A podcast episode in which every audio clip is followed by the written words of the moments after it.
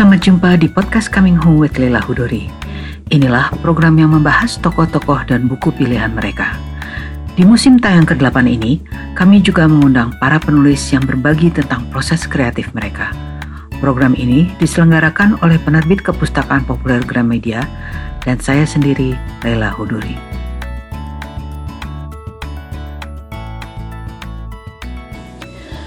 Suatu pagi hari Minggu, ketika para hewan berkumpul untuk menerima perintah mingguan, Napoleon mengumumkan kebijaksanaan baru. Mulai saat itu ke depan, pertanian hewan akan melakukan hubungan perdagangan dengan pertanian tetangga. Bukan untuk maksud komersial tentu saja, tetapi hanya agar bisa mendapatkan barang-barang tertentu yang sangat dibutuhkan. Diambil dari Republik Hewan atau Animal Farm George Orwell. Ini adalah terjemahan novel legendaris George Orwell berjudul Animal Farm yang diterjemahkan ke dalam bahasa Indonesia oleh Joko Lelono dan diterbitkan oleh Gramedia Pustaka Utama. Novel yang diterbitkan pertama kali tanggal 17 Agustus 1945 ini adalah sebuah novel satiris alegori yang berkisah tentang sekelompok binatang milik Tuan Jones, si pemabuk berat. Suatu hari Jones lupa memberi makanan pada para binatang, maka terjadilah pemberontakan di bawah pimpinan anggota geng binatang bernama Napoleon dan Snowball. Para binatang berharap di bawah pimpinan baru akan tercipta masyarakat yang memiliki hal yang demokratis dan bahagia. Ternyata tentu saja dalam setiap perjuangan atau perubahan selalu akan ada pengkhianatan.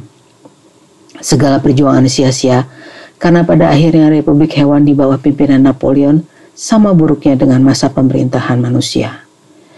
Animal Farm atau Republik Hewan yang menurut Orwell terinspirasi di masa-masa panasnya Soviet menjelang revolusi 1917 adalah sebuah novel yang universal dan termasuk dalam 100 buku pilihan di dalam bahasa Inggris versi majalah Time. Episode terbaru program podcast Coming Home with Leila Hudori, musim tayang ke-8 ini mengundang Rocky Gerung untuk membahas novel klasik ini. Selamat mendengarkan.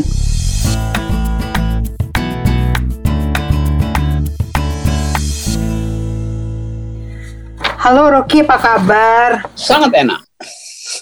Apalagi apalagi enak kita apain? bertemu di dalam ruang narasi itu betul-betul menimbulkan sensasi intelektual, sensasi politik, sensasi satire, etc. Oke, tapi saya pengen tanya nih karena kamu nih sekarang sangat dikenal sebagai pengisi acara uh, di YouTube. Saya lupa nama acaranya every every day kadang-kadang pernah saya perhatikan ada yang satu hari sampai dua kali saya selalu penasaran ini apakah sesuatu yang akan kamu lakukan kalau nanti pemerintahnya sudah berubah udah ber, udah berganti maksud saya udah berganti karena 2024 kan harus berganti atau ini hanya sekedar sampai 2024 Enggak lah, saya main-main di YouTube itu sekedar selingan. Dan itu bukan YouTube saya itu punya FNN karena saya diwawancara tiap hari maka nggak punya. Saya saya nggak punya YouTube nggak punya apa-apa itu nah, itu kerjaan sampingan it's not your channel ya bukan bukan channel hmm. saya kerjaan utama saya adalah naik gunung nah kalau ada waktu luang ya ngoceh-ngoceh di YouTube FNN Forum News Network ah, gitu okay. nah kita uh, akan ngobrol nih uh, tentang uh, Animal Farm sebuah novel atau novelet gitu ya karena pendek sekali, tipis sekali. Uh, ini ses, uh, satu novel yang saya dulu juga pernah harus pelajari ketika uh, masih di semester pertama kuliah. Uh, karya George Orwell tentu aja. Saya pengen langsung to the point aja bertanya. Ini pasti kan Rocky juga udah pernah membaca, tapi ini baru diterjemahkan uh, versi GPU oleh Joko Lelono dengan uh, judul Republik Hewan. Sebelumnya Bakdi Sumanto juga pernah menerjemahkan uh, ini uh, novel ini.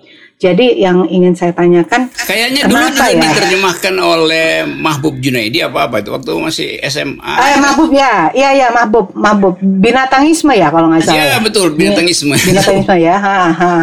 Tapi saya nggak baca, Rocky baca. Baca, aku baca justru itu uh, pertama karena uh, kocaknya itu tuh dan komentar-komentar hmm, pada hmm. waktu ya tahun-tahun 80-an apa tuh. Kan sebetulnya Orwell sendiri mengakui ini kan dia menulis dengan pengaruh riset dia tentang uh, peristiwa revolusi Rusia di 1917 era Stalin ya.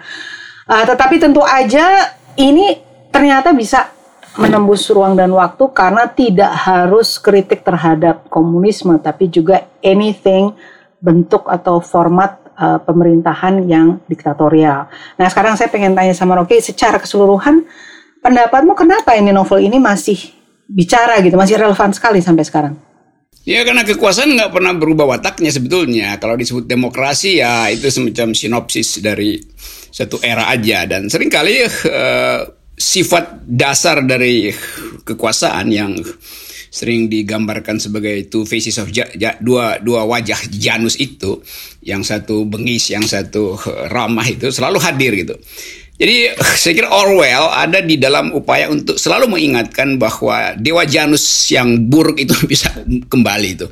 Dan karena itu Orwellian hmm. politics lalu jadi bahkan pelajaran public ethics dan political ethics tuh atau political hmm. philosophy itu. Jadi karena saya dulu ngajar political philosophy maka saya wajibkan mahasiswa saya membaca itu tuh.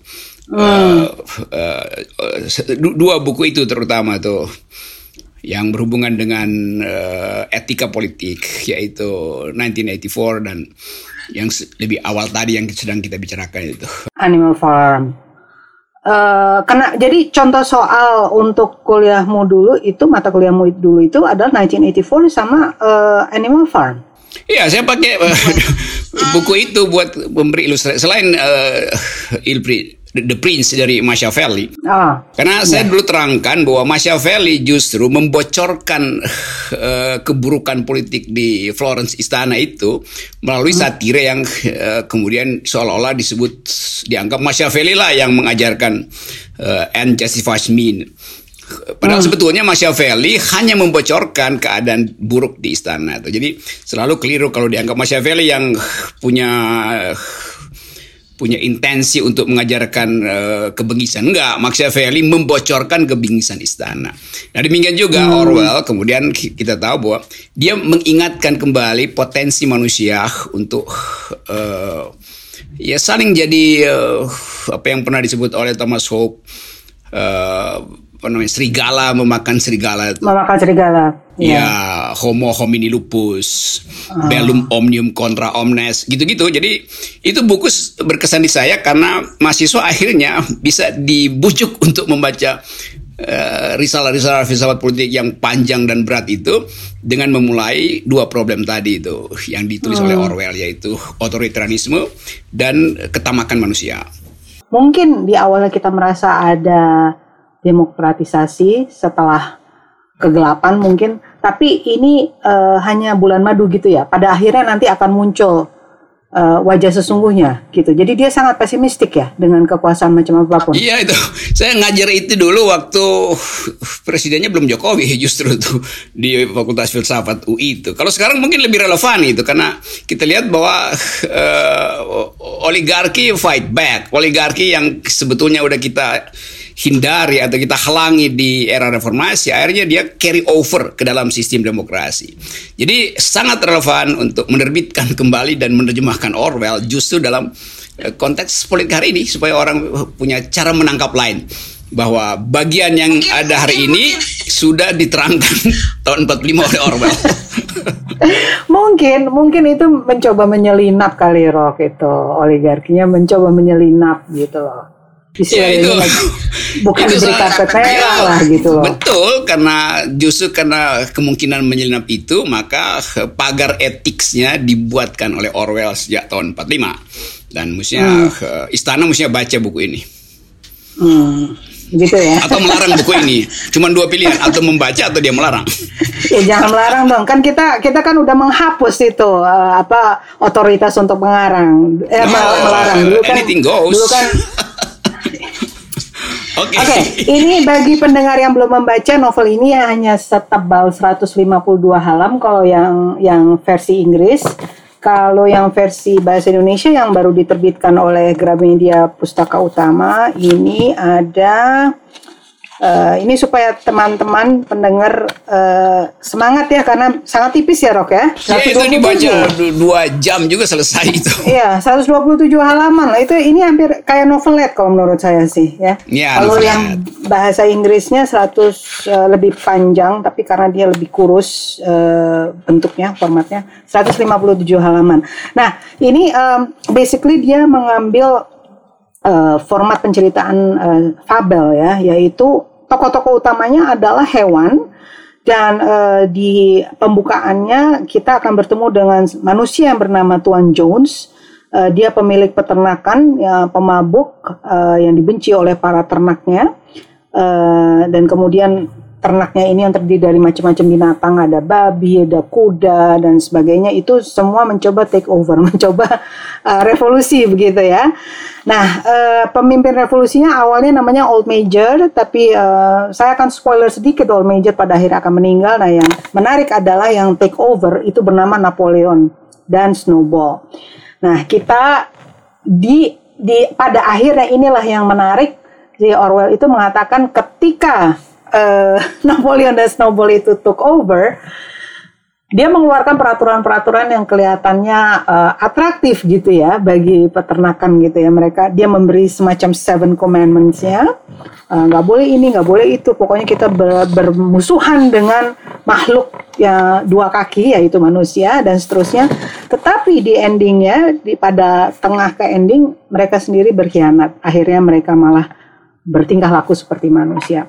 Nah ini ketika saya pertama kali membaca saya tuh uh, fascinated dan dan uh, kagum sekali dia menggunakan binatang. Saya ingin tanya sama Rocky, mengapa menurut Rocky dia menggunakan binatang instead of kenapa nggak menggunakan manusia aja karena uh, mungkin akan lebih ada banyak detail gitu yang dia bisa ceritakan. Dia menceritakan ini cukup pendek dan dia betul-betul uh, memperlakukan binatang seolah mereka manusia dan ringkas sekali gitu why why did he choose uh, fable ininya uh, bentuknya? Kalau, kalau saya perhatikan, uh, hmm. yaitu fascinating sekaligus uh, tremendum itu ya, karena uh, hmm. karakternya kuat sekali. Tapi kalau ya. saya bayangkan misalnya, kalau kan beda uh, fabel yang ditulis oleh Uh, La Fontaine misalnya. Iya atau atau bahkan yang paling klasik uh, Aesop nulis Aesop. di era Yunani jadi hmm. yang dipilih oleh Orwell langsung nusuk kita karena kebinatangan itu yang hendak dieksploitasi. Di dalam uh, fabel biasanya hal yang baik dan lucu yang diterangkan dalam fabel yeah. itu. Tapi ini betul-betul atau teladan atau teladan yeah. biasanya kan. Selalu ada wisdom di situ dan ini yeah. tanpa tedeng aling-aling dia langsung masuk bahwa inilah yang disebut republik binatang tuh. Dan hmm. uh, dari situ kemudian kita tahu bahwa saya kira uh, Orwell memilih uh, fabel ini karena dia fabel itu langsung bisa kasih karakter yang kuat pada tokoh-tokohnya tuh. Jadi ada semacam uh, strong statement of intention atau of intent. Kenapa dia disebut hmm. Napoleon, kenapa yang sana disebut boxer itu dan langsung terbaca kan hmm. karakter uh, yeah, kebabian, yeah, yeah. keanjingan, kemerpatian. Jadi itu yeah, pilihan yeah, yang yeah. tepat dan orang langsung ingin sekali untuk uh, telusuri perkembangan karakter itu sepanjang 130 halaman itu. Hmm. Jadi karakterisasi binatangnya itu kemudian bisa menyatu sekaligus dengan uh, apa sifat-sifat manusia sebetulnya gitu ya. Ya, ya dan, dan dan dan langsung orang kerakusannya gitu ya. kan. Jadi begitu Orwell dapat karakterisasi itu dengan uh, semiotik binatang ini, dia langsung atau orang yang baca langsung tahu ke mana arah cerita itu. Hmm. Dan cerita itu relevan sampai ke arah sekarang. Oke. Okay. Oke, okay, sebelum kita bicara relevansinya di masa kini ya, uh, ini saya tertarik membicarakan peraturan peraturan ketat yang uh, mereka keluarkan ya. Itu uh, bahwa uh, pokoknya mereka bermusuhan dengan uh, makhluk berkaki dua. Kemudian um, mereka nggak boleh pakai baju. Mereka tidak boleh tidur di tempat tidur mereka nggak boleh minum alkohol dan seterusnya. Pokoknya all animals are equal ya Nah, awalnya kan seperti itu mungkin di dunia itu seolah-olah itu sesuatu yang utopia, ya sesuatu yang yang ideal sekali gitu kan. Ya nggak sih? Tapi kemudian lama kelamaan dia berubah uh, ini si Napoleon dan kawan-kawan para elit, saya membayangkannya dia me me menganggap ini uh, kelompok elit ya. Uh, akhirnya dia mulai membolehkan uh, alkohol di antara teman-temannya, kemudian dia mulai pakai baju dan pada akhirnya mereka akhirnya uh, berjalannya dengan dua kaki instead of four legs gitu ya. Ini satu tingkah laku yang uh, menarik gitu ya uh, di dalam uh, pemaparan Animal Farm yang uh, kelihatannya dia bukan sarkastik lagi tapi betul-betul menonjok uh, pemerintahan pemerintahan mana pun nggak nggak harus Soviet ya uh, karena dia sebetulnya juga orang British nih si uh, Orwell menurut Rocky gimana nih dengan uh, pengkhianatan aturan-aturan yang dia keluarkan. Saya berterima kasih pada Orwell karena dia langsung ingatin saya pada dua tokoh yang uh, jadi capres di 2019 dengan dengan dalil-dalilnya yang luar biasa itu. Lalu sekarang semua orang merasa kok nggak pernah terjadi ya. Dan itu yang disebut di dalam uh, ilmu politik, comparative politics yang Laila pelajari juga, jarak antara election dan decision itu hasil election itu beda dengan yang diputuskan. Nah itu sebetulnya yang disebut pengkhianatan. Walaupun kita kadangkala tahu bahwa politisi selalu mampu untuk kasih alasan itu. Dan uh, akhirnya kita mengerti bahwa watak politisi memang nggak bisa dipercaya. Saya kira itu inti dari uh, Orwell itu kan. Sama seperti uh, ada negeri utopia yang dibayangkan uh, air mancur segala macam itu dikelilingi danau, hutan rimbun, burung-burung. Kalau faktanya kan nggak begitu. Tapi kira-kira begitu yang digambarkan. Jadi saya bayangin utopia itu adalah ibu kota baru. Tapi dari awal kita tahu kok susah betul ya mempercayai bahwa itu akan jadi utopia. Oh, jadi Orwell tidak sekedar bercerita tentang watak manusia, tapi juga impian-impian palsu dari kekuasaan itu yang sering kali menyihir kita dengan apa yang dulu dia sebut sebagai newspeak gitu, yang kemudian diambil sebagai istilah keren oleh Noam Chomsky saya kira yang melanjutkan uh, soal-soal itu bahwa bahwa semua istilah itu hanya dipakai untuk membenarkan kekuasaan. Demikian juga tadi tujuh dalil atau tujuh testamen yang dibuat dengan bagus, tapi kemudian diedit sendiri untuk kepentingan sendiri. Betul, betul, diedit sendiri karena saya adalah orang yang kepengen sedikit optimistik ya dalam hidup gitu ya. Artinya iya. kalau kalau nggak kita nggak hidup lah, Rok. Gimana iya sih? Dong. Aku Maksudnya, optimistik. masa semua politician, masa semua pemerintah pada akhirnya akan korup seperti ini kan enggak gitu loh. Oh iya. Kan ada kan ada sistem check and recheck, ada sistem Bisa, iya kan. Tentu. Seandainya seandainya ya pada di hmm. awal ketika major itu si mayor ini uh, mendelegasikan kekuasaannya pada dua babi ini, pada Napoleon hmm. dan Snowball dan hmm. betul-betul uh, Snowball itu dihargai pendapatnya sebagai oposisi gitu oleh hmm. Napoleon. Maka nggak akan ya. terjadi yeah. uh, kakotopia atau distopia itu. Tapi kan hmm. Napoleon dari awal menganggap bahwa Snowball ini uh, cerewet aja tuh, betul, mengganggu kekuasaannya tuh. Jadi tetap kita optimis seandainya nanti di 2024 ada Snowball yang betul-betul dihargai oleh Napoleon itu. Tapi kita ingin hmm. sebetulnya ya jangan Napoleon yang memerintah tuh. Dan uh, hmm. Jadi kita mau bayangkan bahwa kalau kita bilang iya kita optimis atau pesimis. Saya sebetulnya orang yang pesimis, tapi I am a rational pessimist gitu. Saya hmm. pesimis hmm. karena saya rasional. Ada orang yang optimis karena irasional. Kan bedanya hmm. sebetulnya adalah atau kita rasional atau irasional di dalam membayangkan uh, uh, the future itu atau utopia atau the politics of hope. Tapi tentu semua yang kita sebut optimis atau tidak tidak optimis itu tergantung tindakan kita hari ini kan. Kita bisa buat masa depan itu optimis kalau kita lakukan sesuatu yang betul-betul etis hari ini. Jadi ini cuma soal uh, ethical conduct dari mereka yang hendak menuntun masa depan. Kira-kira itu pesan terselubung dari Animal Farm. Ketika mereka merevisi uh, peraturan itu ya, menurut Rocky, apakah itu terjadi di satu pemerintahan seperti yang terjadi oleh yang uh, dilakukan oleh Napoleon dan kawan-kawan ini?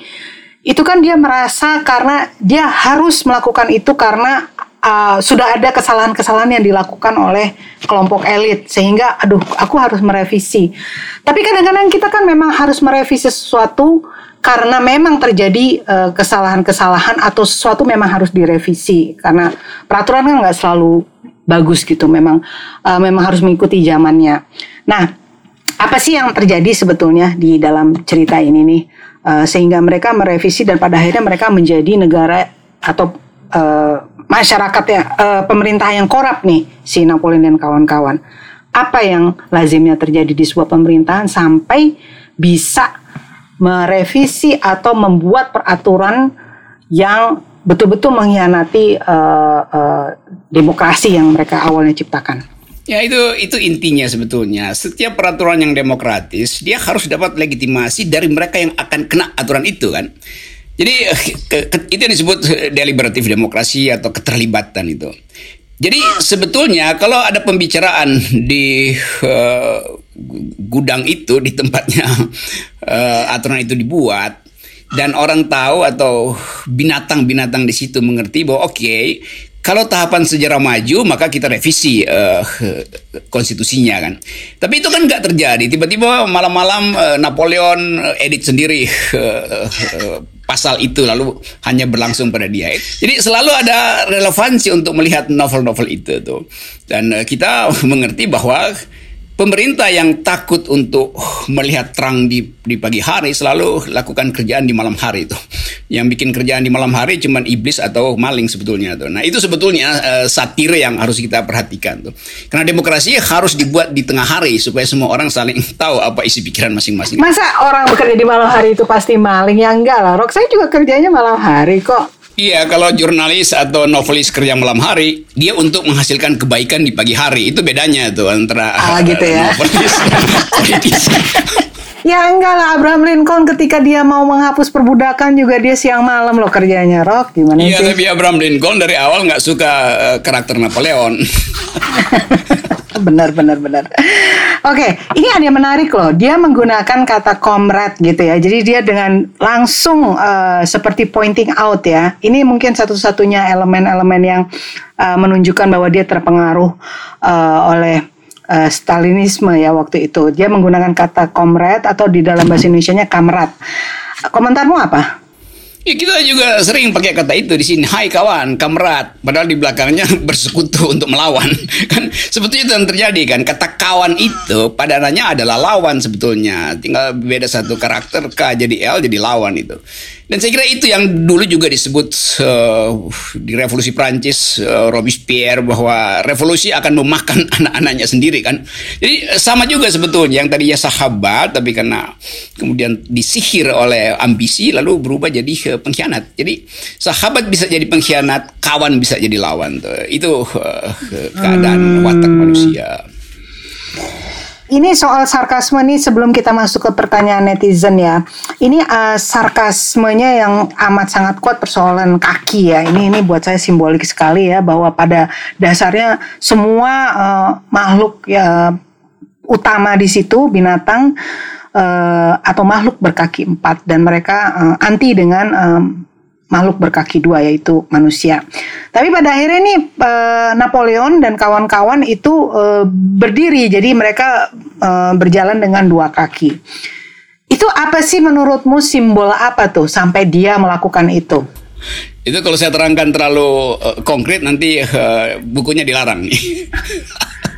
Jangan, ya ah, maksudnya don't worry, masa bukunya iya, dilarang? Ya, bisa juga karena dianggap buat tafsir Rocky Gerung itu atas pertanyaan Leila Kudori itu menimbulkan kenangan yang seharusnya udah kita tutup gitu kan. Kan sebetulnya alam pikiran kita kan membayangkan bahwa seseorang bisa membawa kita pada peradaban itu, bahwa uh, seluruh janjinya bisa diselesaikan dengan baik. Tapi akhirnya dia berubah juga menjadi uh, ya tokoh yang akhirnya ngikuti jejak eh, pendahulunya kan. Sehingga akhirnya dia berjalan dengan dua kaki juga itu. Walaupun eh, tadinya dianggap ya si dua kaki itu sebetulnya adalah manipulator.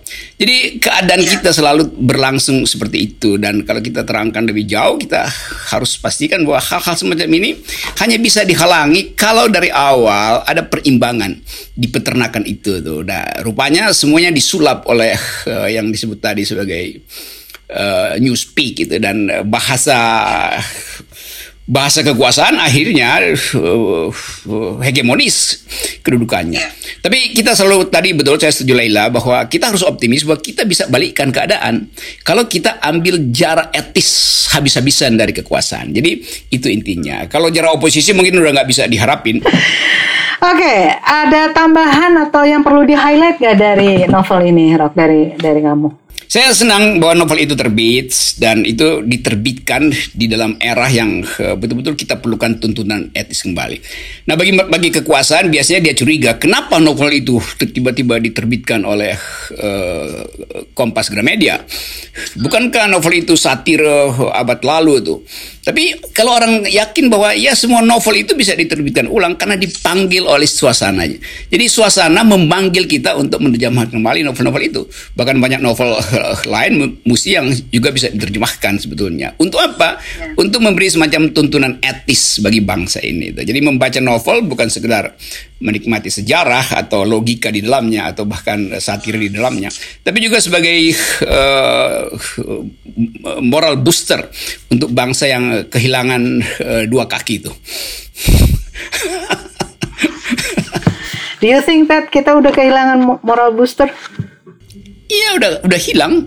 Nah karena itu uh, itu oke aja kali. Tadi saya habis uh, habis YouTube dan menyebutkan George Orwell dengan uh, menerangkan uh, relevansinya hari ini dan semua banyak betul netizen yang ingin membeli novel itu karena mereka ingin tahu tuh apa sih ceritanya tuh kok uh, Bang Rocky nyebut-nyebut tentang Orwell lagi itu lalu semua orang hmm. akhirnya mencari-cari novel Orwell yang 1984 maupun yang uh, binatangisme ini atau uh, yeah. Republik Republik Republik Hewan kalau bahasa Indonesia. Hewan, ya. Uh, Joko Lolono ini yang juga menerjemahkan uh, Gabriel Garcia Marquez yang kita bahas ya, waktu kita itu. Bahas. Itu juga itu ya mestinya dua novel itu jadi tuntunan lah karena kalau yang novel yang satu kalau yang uh, Gaby tulis itu kan semacam upaya untuk meledakkan uh, ketergantungan narasi pada hal-hal yang rasional lalu dia pergi yang seolah-olah irasional yang padahal di dalamnya juga ada logika apa namanya itu magic apa dulu kita bahas tuh uh, magic realism magic realism magical realism, magical realism. nah hmm. Orwell juga hmm. sebetulnya ada di situ tuh magical realism juga sebetulnya karena itu betul-betul real hmm. walaupun ditafsirkan secara agak magis gitu kan jadi itu saya kira hmm. genre-nya mirip-mirip lah antara uh, apa namanya one hundred uh, one hundred. Tapi dia kan ada dia fabel ya di sini nih fabel yeah, nih uh, ini. uh.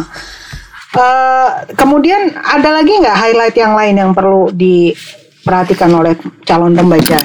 Terutama yang muda-muda ini ini kan uh, pembaca sekarang ini generasi milenial dan Z ya yang lahir tahun kalau Z ini kan yang lahir tahun 2000-an yang usia 20-an. Saya kira bagus itu.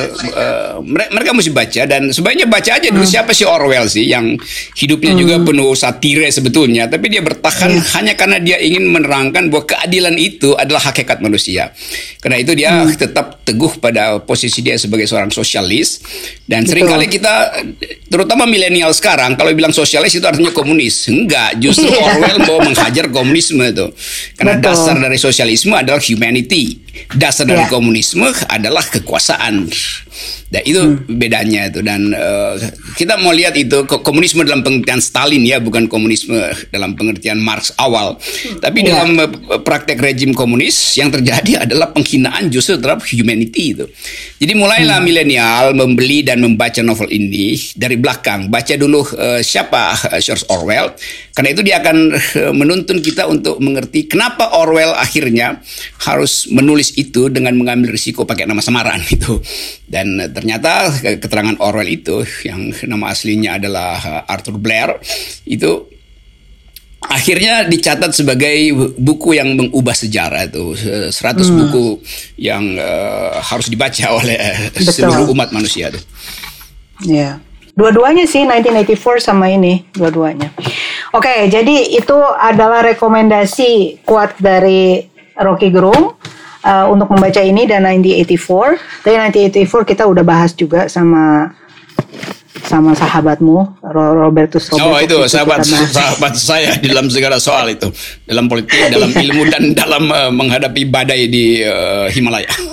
Iya betul. Saya akan bentar lagi juga akan bahas uh, buku dia tuh Rep Republikanisme. Republikanisme itu juga buku yeah. buku uh, tipis tapi di dalamnya itu syarat dengan pelajaran filsafat politik. Jadi saya ingin yeah. juga supaya bukunya Dr. Robert Robert itu jadi bacaan millennials karena dari situ kita hmm. ngerti mengapa kita mesti setara dan mengapa kita selalu harus kasih kritik pada kekuasaan. Itu intinya itu. Hmm. Iya, itu juga akan kita bahas nanti uh, di musim tayang berikutnya.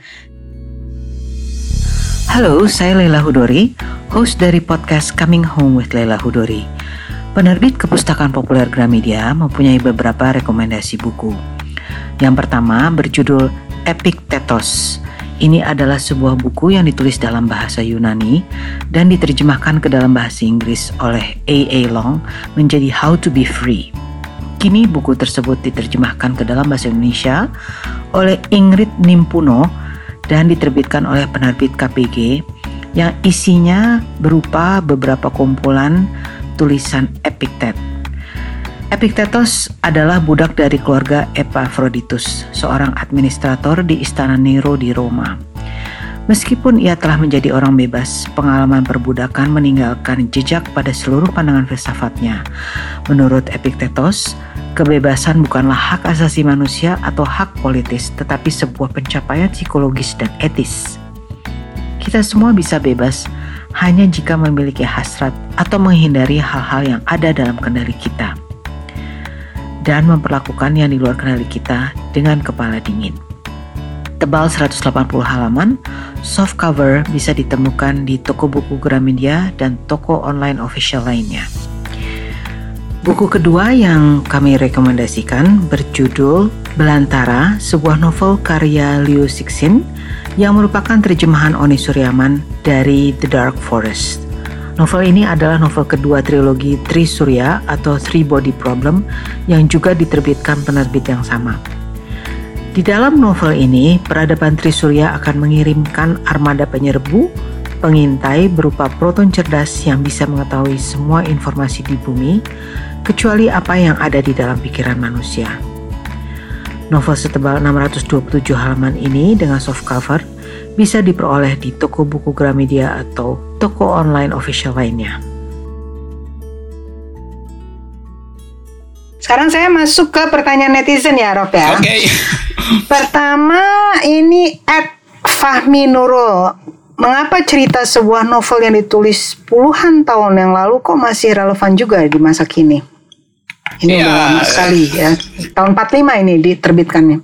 Ya karena kan ini cerita tentang watak manusia dan watak manusia itu sebetulnya hasil dari uh, regulasi batin sendiri. Nah kalau kita gagal meregulasi batin kita, kita terperosok lagi ke bagian yang bengis sebetulnya itu. Jadi keadaan itu sebetulnya yang selalu setiap novel yang uh, berhubungan dengan watak manusia dia akan selalu uh, perennial, akan abadi itu. Oke. Okay. Lalu yang kedua dari Ed Martinus Danang. Kenapa ada beberapa negara tertentu yang takut bila warganya membaca buku ini? Ini pasti ngomongin waktu di masa-masa awal ya. Iya sampai sekarang Karena juga. kan orang udah bebas baca. Betul. Kebebasan membaca itu nggak boleh dihalangi apa pun bacaannya selama ada counter argument. Nah hmm. banyak negara yang juga eh, diam-diam sebetulnya masih mensponsori nggak boleh membaca ini, nggak boleh membaca itu. Apa pun itu adalah bacaan yang bisa di counter sebetulnya. Jangan di, yeah. di sweeping. Justru orang merasa bahwa hmm. kalau di sweeping itu artinya ada sesuatu yang mau disembunyikan.